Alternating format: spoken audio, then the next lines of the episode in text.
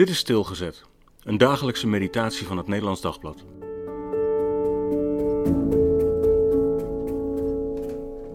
Wandelen in waarheid. Psalm 26, vers 3. Doorgrond mij, Heer, en ken mij. Peil mijn hart en mijn nieren, want uw liefde staat mij voor ogen en ik bewandel de weg van uw waarheid. De liefde van God, dat is die geduldige liefde die zo'n eindeloos lange adem heeft. Die iets belooft en het ook zeker gaat doen, want hij houdt je nooit voor de gek. Gods liefde is altijd verweven met trouw en ook altijd met waarheid. Daarom is dit ook een veilige liefde, zelfs als hij boos is. Dat staat David dus elke dag voor ogen. Hij oefent zich om daar steeds aan te denken.